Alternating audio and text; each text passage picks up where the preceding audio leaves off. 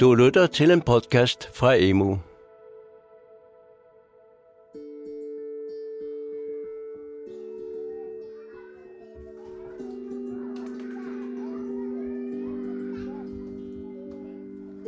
Børnehøjde. En faglig podcast om pædagogik og læreplan.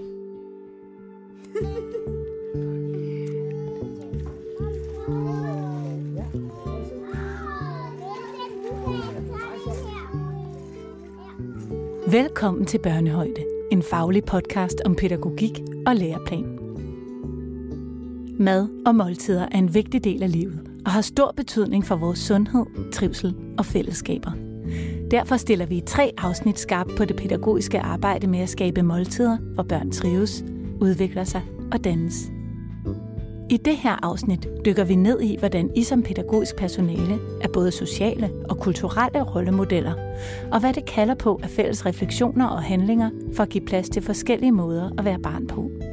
Mit navn er Trine Bækket, og jeg er jeres vært. Børnehøjde. Om pædagogik og læreplan.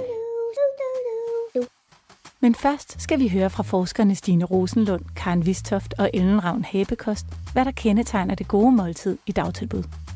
Sådan grundlæggende set, så sidder man som barn og har ro i maven, fordi der er plads til at være barn på rigtig mange forskellige måder. Og man sidder som voksen og har en grundlæggende forståelse af, hvor skal vi hen med det her måltid. Det gode måltid i dagtilbuddet øh, er kendetegnet af seriøs interesse for børnenes smagsoplevelser og børnenes kommunikation om smag. Det må være det måltid, som er faciliteret sådan, at de deltagere, der skal være med i det, glæder sig til at skal spise sammen. Man har plads til at være sig selv, men være sig selv sammen med andre.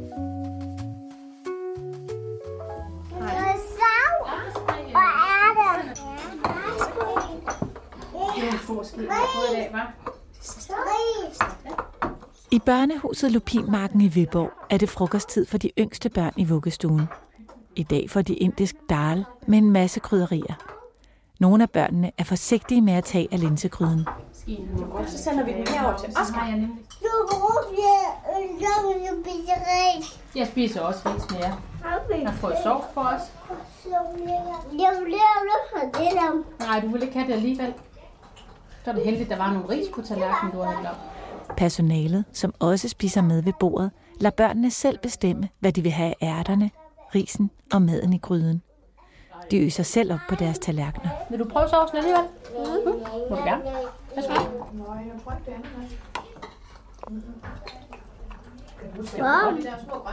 Prøv at hælde det over, så kan du tage en lille bid. Og hvis det er varmt, så kan du puste på det. Ja. Mm-hmm. Mm, Stor. Ja, den var stor, den ske i dag. Ja. Ja. Du tager lidt mere. Sovs. Du tager lidt mere sovs.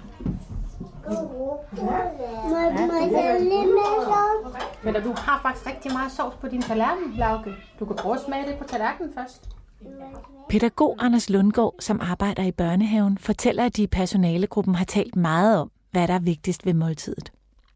Det vigtigste for mig, at de får ud af et måltid, det er det samme, som de får ud i alt andet, de laver her. Det er, at de oplever en tryg ramme, hvor det, at vi er fælles om at spise, giver en god stemning i maven for dem.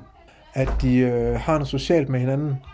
Jeg vil selvfølgelig også gerne have, at de smager på maden, men, men, men den må ikke have så meget fokus, at det andet det øh, kommer i baggrunden, fordi det andet det er fundamentet, øh, og det skal være overalt. Så det vigtigste for mig, det er, at børn de hygger sig.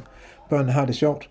Rammer og normer omkring måltidet er vigtige, men de skal også være fleksible og give plads til, at børnene kan eksperimentere, mener han. Alle situationer, man er i, er forskellige. Vi prøver jo egentlig rigtig ofte at have en, en fast ramme, men rammen må ikke være så fast, at man ikke kan komme væk fra den ramme. Så at man sidder ved bordet og spiser, det er en ramme, og den er ganske fint, men den øver man kun det, at man sidder stille ved bordet og spiser.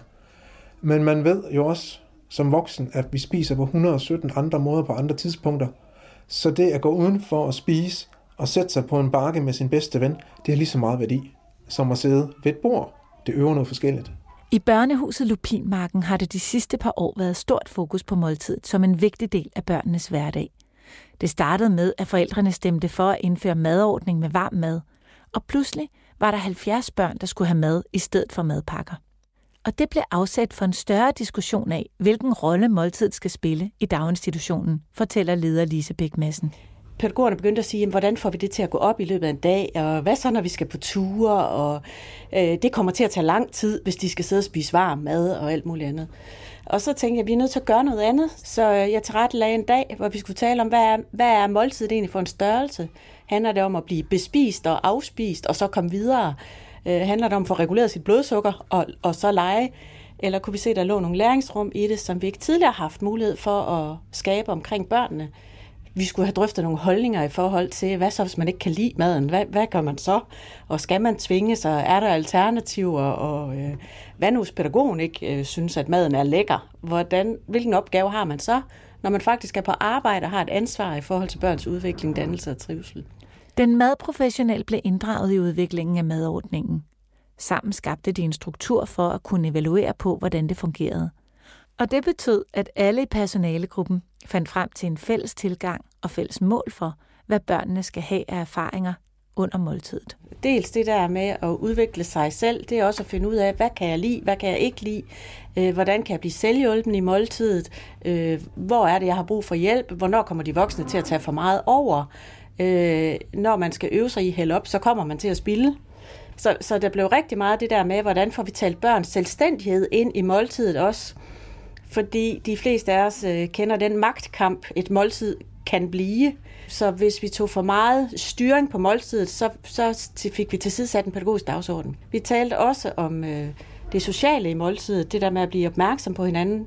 At nu beder Peter om pastaen. Kunne du, Michael, sende det op til ham? Øh, så, så det at skabe en hyggelig ramme omkring måltidet betød også, at vi kunne skabe et læringsrum, som jo både gik på barnets altid personlige udvikling, men også i forhold til det at have sociale kompetencer ind i et fællesskab. Og så øh, hele socialiseringsopgaven i forhold til dannelse. Hvad, hvad kan man så, når man sidder ved et måltid? Er, er det okay at tage pastaen med hænderne, eller skal man bruge den ske? Det vi havde rigtig meget brug for at tale om, det var øh, det der med, at man som pædagog skal slippe et kontrolgen, fordi hvis børn skal tilegne sig madmod og nysgerrighed på mad og har lyst til at smage på det, så kan det godt betyde, at man nogle gange er nødt til at skal mærke konsistens med fingeren. Det var måske især for vores vuggestuebørn, eller øh, har en periode, hvor det eneste, man synes, man kan spise, det er rugbrød med leverpostej. Så, så det der med at sige, hvordan kan vi både inspirere børnene til at ture prøve noget andet, øh, og samtidig sikre os, at, at de også har lov til at, at tage ansvar for deres eget måltid. Du, lytter til Børnehøjt, en podcast om den stærkede pædagogiske læreplan. Stine Rosenlund, du er adjunkt på RUK og forsker i mad og måltider i dagtilbud, med særlig fokus på, hvad det er for nogle normer og værdier, der er på spil i måltiderne, og hvilken betydning det har for, hvordan man er barn og voksen i en måltidssituation. Blandt andet har du beskæftiget dig med, hvordan det pædagogiske personale er både sociale og kulturelle rollemodeller. Vil du ikke starte med at sige lidt om, hvad det betyder?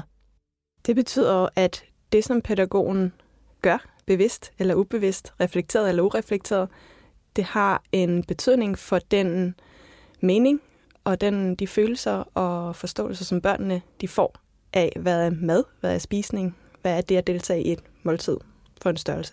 Kan du beskrive forskellen på at have en privatpraktiserende og en professionel tilgang til måltidet?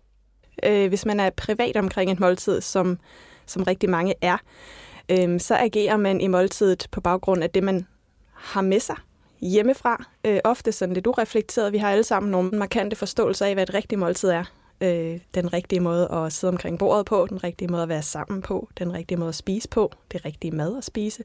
Øh, men vi er ofte ikke ret reflekteret eller tydelige omkring, at vi har de forståelser med os, eller de normer med os.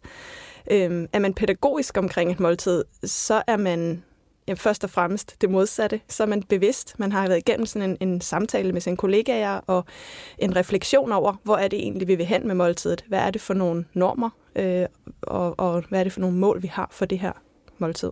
Så hvad møder børnene? Altså hvad er forskellen for de børn, som sidder med privatpraktiserende, og dem, som sidder med professionelt pædagogisk personale? I et professionelt rum, der vil de møde nogenlunde de samme rammer omkring måltidet, uanset hvilken voksen de spiser med. Den samme voksen vil formentlig også være mere konsekvent over, over forskellige situationer, hvor hvis du sidder med en privat øh, person, så skifter det meget afhængig af situationen, hvad du lige her og nu går efter, hvad der, hvad der er forrest på din dagsorden. Øhm, så man vil møde en voksen, som agerer efter nogle værdier og nogle mål, som er gennemtænkte og som er kontinuerlige om, omkring måltidet. Du har også i din forskning arbejdet med at få pædagogisk personale til at undersøge, hvilke forskellige forventninger og hvilken betydning forventningerne har for, hvordan børn og personale deltager i måltidet. Kan du fortælle, hvilke aha-oplevelser, der kom ud af det? Jamen det er for eksempel, hvad er det for nogle mål, vi har, hvor, der sidder, hvor, hvor alle egentlig går ind i rummet og tror, at vi vil det samme med måltidet. Øh, det selvhjulpenhed er da åbenlyst noget af det rigtig vigtige ved vores måltider, mens andre jo har nogle helt andre dagsordner. Nogle mener, sundhed forstået som en ernæring øh, er noget af det helt centrale, vi skal bruge vores måltider til at opbygge øh, sunde spisevaner hos børnene, hvor andre mener, at jamen, det, er, det, det er da ikke så vigtigt, øh, om de spiser den ene eller den anden mad først, fordi det er vigtigt, at vi har et hyggeligt rum. Og den der har-oplevelse af, at vi, vi arbejder faktisk slet ikke hen mod det samme mål, og tilsvarende så bare det med at se det på papiret, hvor mange forskellige forventninger der faktisk er, øh, igen både til de voksne og til børnene, det er også en aha-oplevelse i sig selv. Hvordan får man så skabt fælles fodslag? Forsøg på at lave en eller anden prioriteringsøvelse. Snak om, hvorfor noget af det her er der en eller anden form for enighed om, hvorfor nogle af dem arbejder mod hinanden. Fordi har du et mål om, at børn skal være selvhjulpende, og dine måltider er ligesom et rum, hvor de skal udvikle den her selvhjulpenhed, så vil det være vigtigt, at børn gør så meget som muligt selv. Og i og med, at børn skal gøre så meget som muligt selv, så vil der både være nogle børn, som ikke vil, eller ikke kan, eller altså har forskellige modstand mod det af forskellige grunde. Der vil også være børn, som øh, taber ting og spiller ting. Og det vil tage noget fokus fra den voksne. Altså, og sidder du alene om et bord med børn, øhm, og du skal koncentrere dig om at få tørret op efter det vand, der blev spildt, og skifte maden ud på den tallerken, der blev våd osv., så, så er det klart, så kan du ikke samtidig sidde og have fokus på at skabe den rigtige samtale osv. Øhm, jeg kan ikke stå og sige, at den ene er bedre end den anden. Men det er et valg, man må tage. Hvad er vores primære fokus? Hvordan håndterer man øh, forskellige tilgange eller kulturer, uenigheder i personalegruppen? Det gør man først og fremmest ved at blive tidlig omkring dem. Det, at man bliver bevidst om, at der er forskelligheder, det er første skridt. Så skal man jo tage en, en beslutning om, om man, altså hvor forskellige kan vi tillade, at vi er. Børn kan jo godt navigere i, at forskellige voksne har, eller forskellige måltider situationer bliver udført lidt forskelligt. Så det er noget med at tale sig frem til, hvor er det ligesom, her beslutter vi noget, og så er det sådan, vi gør, og hvor der er plads til, at vi godt kan gøre ting forskelligt. Der, hvor det bliver et problem, det er, hvis man har sådan decideret modstridende værdier på spil i måltidet øh, hele tiden. Men fordi at nogen tillader, at du spiser pålægget før brødet, og andre ikke gør, det tager de ikke skade af. Hvad ser du som de væsentlige dilemmaer i måltidssituationen? Jeg bruger de her metaforer, Emma Gad og Pippi Langstrømpe, øh, ofte, fordi jeg synes, det er nogle gode symboler på sådan nogle, nogle lidt karikerede, lidt ekstreme øh, aspekter af måltidet, kan man sige. Hvor Pippi på den ene side øh, repræsenterer det her sådan meget øh, frie rum, hvor alting handler om, og, om de impulser, vi har lige her nu, og hvor Emma Gad handler om det her meget, meget regelstyrede rum. Og de har jo hver især nogle styrker og nogle svagheder. Og i forhold til at skabe det hyggelige rum, handler det rigtig meget om at finde balancen mellem de to. Fordi går du for meget over i det regelstyrede, så er der mange børn, som har rigtig svært ved faktisk at agere i det, og som sidder med sådan en, en nervøsitet over at træde ved siden af. Så det er enormt svært at faktisk slappe af. På samme måde, hvis det går for meget over i pipi, rummet, hvis der bliver for meget sådan her nu impulser, så bliver det kaotisk, og det bliver uforudsigeligt. Så det med at skabe den balance, og dermed komme frem til nogle gode rammer, der kan give grobund for et hyggeligt måltid, det handler øh, rigtig meget om at arbejde professionelt med måltidet. Så det kræver altså en professionel tilgang at skabe et hyggeligt og rart måltid i dagplejen, vuggestuen eller børnehaven. Er der nogle børn, som den professionalisme er vigtigere for end andre? For eksempel børn i udsatte positioner? Børn får noget forskelligt med hjemmefra. Men det der med at tale om, at det er specielt udsatte børn, det er, ikke, det er jeg ikke nødvendigvis enig i. Fordi det kan lige så godt være børn i alle mulige andre familier, som ikke spiser sammen derhjemme, som ser fjernsyn, imens de spiser, eller iPad, eller hvad det nu kan være. Der kan være mange, øh, mange forskellige typer familier, og det der med at spise sammen er ikke nødvendigvis så entydigt øh, knyttet til, hvilken social-økonomisk position du kommer fra. Så jeg synes, de der klassiske, sådan, hvornår man er udsat og hvornår man ikke er udsat, den, den, den holder ikke helt, Nej. når vi taler måltider. Den fælles pædagogiske intention med måltidet er jo noget af det, som udviklingen af en måltidspolitik kan bidrage til. Og det anbefaler du også, at vuggestuen, børnehaven og dagplejen har. Kan du sætte nogle ord på, hvad en måltidspolitik skal indeholde? Du skal stille mod at have en måltidspolitik, hvor du har nedskrevet de vigtigste værdier for dit måltid. Det vil sige, hvad er det for nogle mål, du arbejder efter. Der er også forskel på, om du har en madordning, eller om du har madpakker. Øhm, fordi en madordning vil du også skulle have en politik omkring personalets frokost. Der skal være en enighed om, hvorvidt at personalet spiser med, og hvad er personalets reaktion på maden, og på, på det, de kan lide og ikke kan lide. Øhm, på samme måde, hvis det er madpakker, så kan du jo have en politik omkring, hvad må man have med på de madpakker, sådan at det aldrig bliver børnenes ansvar, hvad der er med, og sådan at du som pædagog ikke sidder og har den øh, kritik af børnenes madpakker, men det bliver et, et forældre øh, institutionsansvar. Øhm, det kan en måltidspolitik hjælpe dig med. Og en måltidspædagogik er jo det, du så udøver, når du sidder omkring måltidet i selve situationen, som selvfølgelig så skal agere hen imod den politik, der er nedskrevet. Mm. Hvor meget skal sundhed fylde i en måltidspolitik? Har det pædagogiske personale en rolle at spille i forhold til sundhed? Man har jo en rolle at spille på den måde, at, at man skal have besluttet blandt personalet, hvad er det for noget mad, der skal serveres, hvis man har en madordning. Øhm, hvis det er madpakker, så skal man enten vælge, at man lader forældrene styre det, eller også så skal man have et, og en, en politik om, hvad der kan være i madpakkerne. Og så skal man stå inden for den beslutning over for børnene. Der skal man acceptere, at det mad, der er kommet på bordet, det er det mad, som der skal spises. Øhm, fordi det giver hurtigt anledning til rigtig mange konflikter. Hvorfor var det egentlig så vigtigt for mig, at du spiste den lav på stegmad, før du spiser chokolademaden, eller hvad det nu er. Ikke? Og den type diskussioner skal man holde ud af måltidet, for det giver anledning til nogle konflikter og til nogle forvirringer blandt børnene.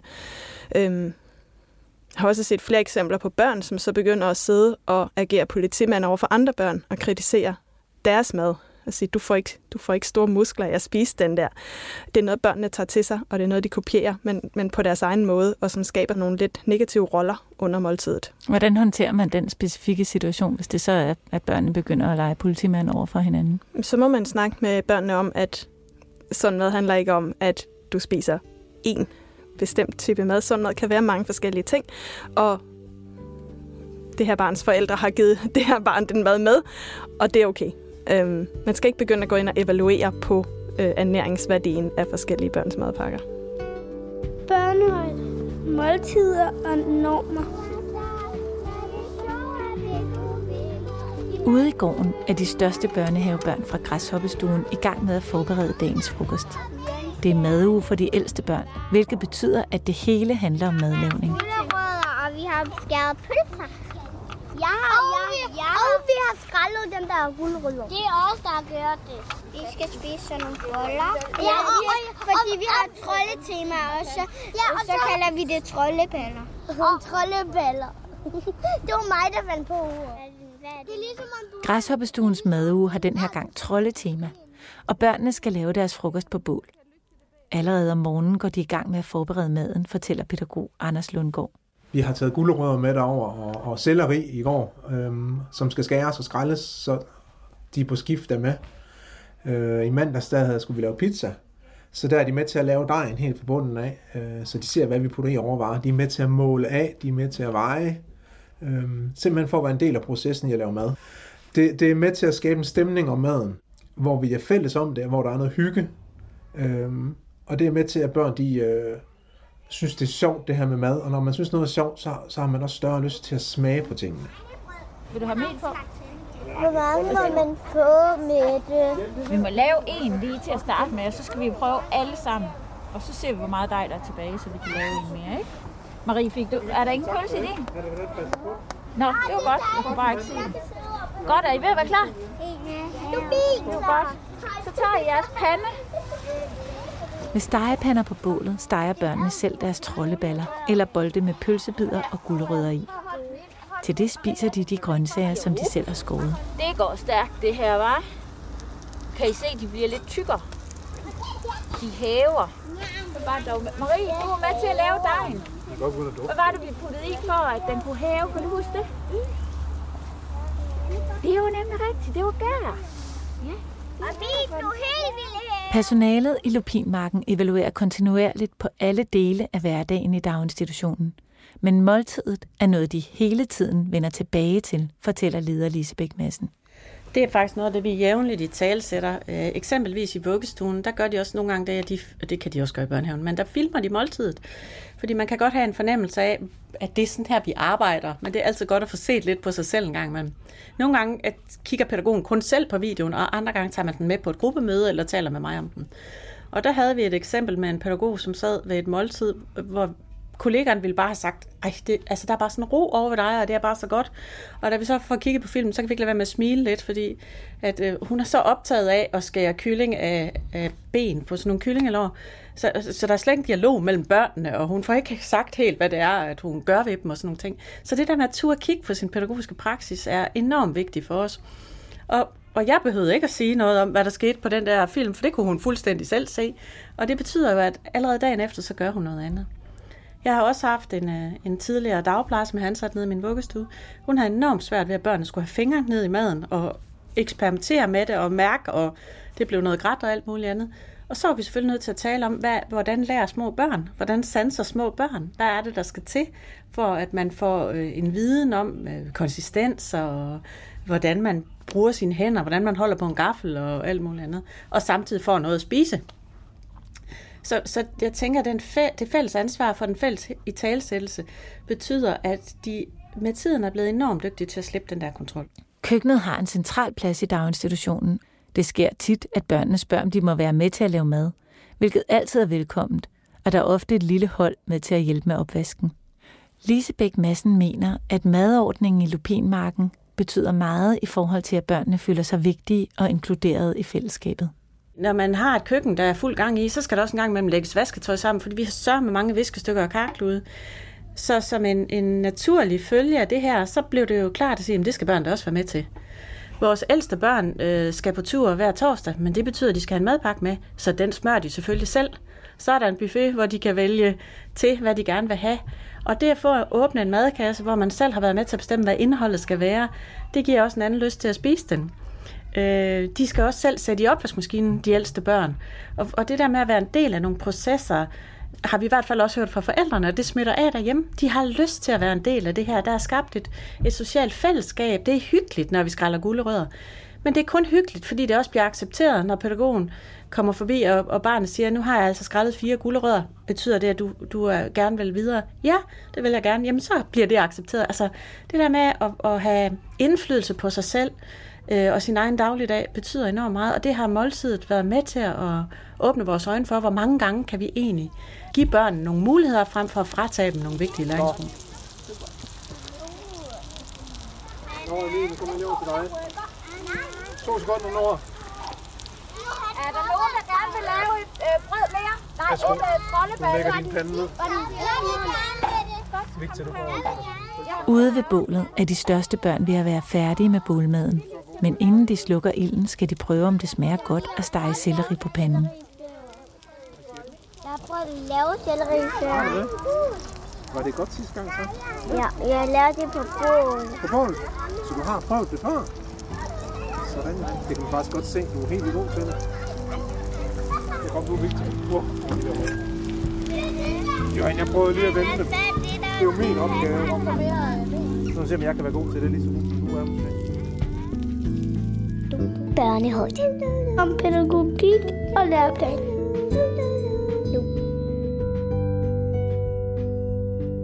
Stine Rosenlund, i Lupinmarken skældner de mellem måltider, hvor formålet er bespisning, og måltider, hvor formålet er dannelse. Kan du sige noget om det dilemma? Ja, det er, det er et af de store dilemmaer, som jeg møder næsten alle steder. Som handler om, at måltidet på den ene side jo er der, hvor børn de skal øh, spise nok til at kunne klare sig ind til næste måltid. Og hvor vi samtidig har nogle forståelser hver især om, hvor meget bør man spise Øh, så, så det handler både om reelt at få noget brændstof på nogle kroppe, og det handler om, at, at der er nogle, nogle normer, som gør, at, at vi har behov, som voksne har vi behov for, at børnene de spiser en eller anden mængde mad. Øh, over for det er der så alle de her forskellige dannelsesdagsordner. Det er vigtigt, at børn arbejder med deres egne præferencer og lærer at håndtere sult, mæthed, lyst, ulyst i forhold til mad. Og derfor har besluttet, at du ikke skal presse børnene til at spise. Og de to ting er svære at få til at harmonere, hvor børn er småt spisende, eller i det situation, hvor de faktisk ikke kan lide det mad, og dermed ikke vil spise det. Og hvad gør du så som pædagog? I langt, langt de fleste tilfælde tager børnene faktisk ikke skade af at og selv få lov at styre det. Øhm, I langt de fleste tilfælde vil man kunne komme ind og lige få et knækbrød eller en banan, eller hvad det nu er, hvis der opstår en sult senere hen. Der er selvfølgelig de særlige tilfælde med børn, som, hvor der er problemer omkring underernæring osv. Det, det er noget andet. Der er også nogle andre blikke, man kan lægge på måltidet. Ikke? Altså nu var det bespisning, dannelse, der er også æstetik, øh, som du var inde på før, ernæring, sanslighed, social udvikling. Hvad, ja, hvilke blikke synes er, er du mest optaget af? Hmm der er rigtig mange forskellige dagsordner på spil i stort set alle måltider, og at næsten uanset hvor man kommer hen, så det at, at få en bevidsthed omkring, hvad er det for nogle værdier, vi bringer med ind, hvad er det for nogle værdier, vi synes, der er vigtige i måltiderne, både som, en, altså som enkelt individ, men også som samfund. Hvad er det egentlig, vi gerne vil med de her børn igennem de her måltider? Og hvis vi så retter blikket mod børnene, hvad er der på spil for dem under et måltid? Altså helt konkret, så er der jo det på spil, at at kan du sætte dig ned og glæde dig til at skulle spise din mad? Du bliver mødt med den her situation flere gange om dagen i institutionen. Er det en rar situation at være i? Det har jo en værdi i sig selv, synes jeg, fordi det faktisk er tilbagevendende øh, hver eneste dag. Derudover så har det jo også, også den betydning, hvis du gentagen oplever et pres eller en usikkerhed omkring det at deltage i måltidet. Et pres omkring at spise mad, du ikke har lyst til, eller sidde i en situation, du ikke har lyst til. Øhm, så kunne jeg høre på de børn, jeg har snakket med, at det fylder faktisk virkelig meget, når man begynder at tale med og måltider med dem. Og det vil jo have en betydning for deres forhold til, hvad er mad for en størrelse, hvad er måltider for en størrelse på, på, den, lange, på den lange bane. Og du har jo netop undersøgt børnenes perspektiver på måltidet i dit phd projekt Kan du give et eksempel på, hvad du fandt ud af? Både i forhold til børn, som kunne fortælle om netop øh, det her pres, de egentlig oplever, og at de egentlig er sådan lidt smånervøse ved at skulle deltage i måltidet også de stille børn, som sidder og som vi alle sammen tror som voksne, at de sidder egentlig og er meget vel tilpasse, fordi de agerer, som vi gerne vil have dem til. Men de sidder i virkeligheden og er lidt misundelige på de børn, der tør råbe op, og der tør kaste med madpapiret osv., fordi de mange de savner det der mere lejende perspektiv i måltidet, og har i virkeligheden lidt nysgerrighed på det, som de ikke tør udfolde. Og omvendt også børn, som beskriver, hvordan de får hovedpine af at deltage i alt for kaotiske måltider. Børn, som er utrygge i den uforudsigelighed, som, som der opstår af, at der er for lidt styring på. Så jeg synes, jeg har begge perspektiver udtrykt i børnene, eller gennem børnene, men, men begge dele er en oplevelse. Og børnenes perspektiver på måltidet kan man jo så bruge til at tage det op til genovervejelse, og måske tilrettelægge det på en lidt anden måde, end man plejer. Hvis man gerne vil udvikle måltidet, hvad skal man så gøre som pædagogisk personale? Noget af det, man kan gøre, det er for det første at skelne mellem hverdagsmåltidet og så nogle nogle eksperimenterende måltider. Jeg tror, man skal passe på med at starte med at eksperimentere en hel masse med sit hverdagsmåltid, fordi så bliver det, så bliver det nok uoverskueligt i de fleste situationer. Men det her med, at man tager en dag ud, en gang om ugen, eller hver 14. dag, eller en gang om måneden, hvor man for eksempel prøver at involvere børnene mere i måltidet. Man tager en snak om, hvad er det egentlig for nogle regler, der skal gælde, og prøver at eksperimentere med det den ene dag. Det kunne være øhm, normerne for, hvordan vi spiser. Prøv at bryde dem op den ene dag spise på gulvet, eller hvad det nu er, der kommer frem. Ikke? Bryd rammerne helt ned.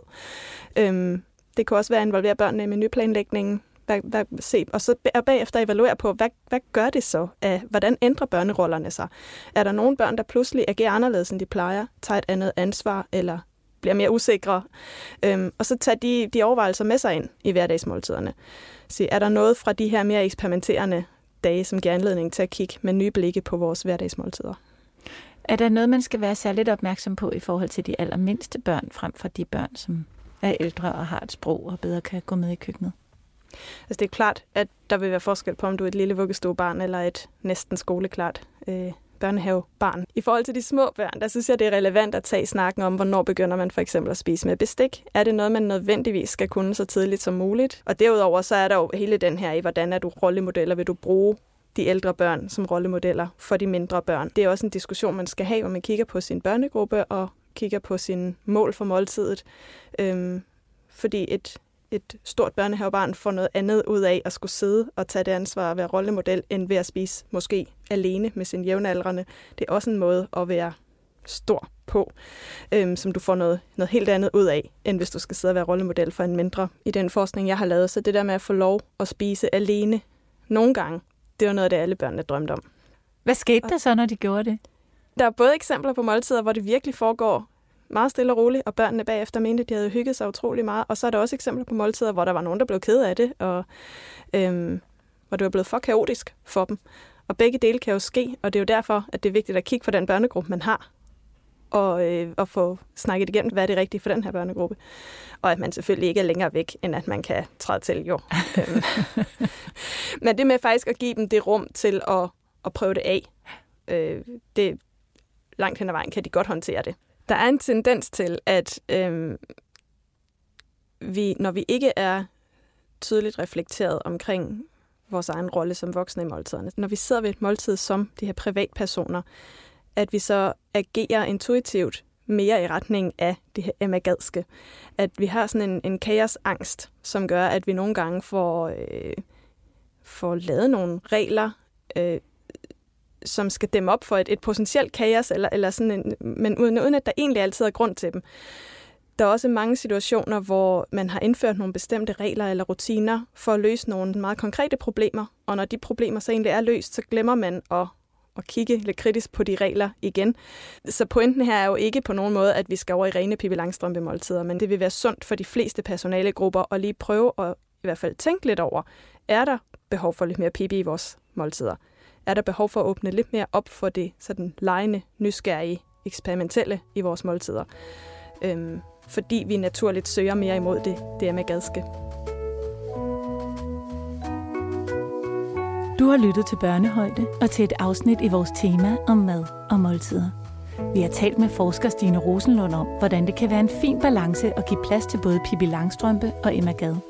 Og vi har hørt, hvordan børnehuset Lupinmarken helt konkret har fokus på at udvikle fælles normer for måltidet og gøre børn aktive i børnefællesskabet. Hvis du er blevet nysgerrig og vil høre mere om måltidet og forældresamarbejde eller smagens betydning for børns dannelse, kan du lytte til de to andre afsnit i temaet. Du kan også finde mere inspiration på emo.dk. Tak fordi du lyttede med. Børnehøjde. Om pædagogik og læreplan. Denne podcast er tilrettelagt af Anna Jøres og produceret af Munk Studios København og Danmarks Evalueringsinstitut for Børne- og Undervisningsministeriet.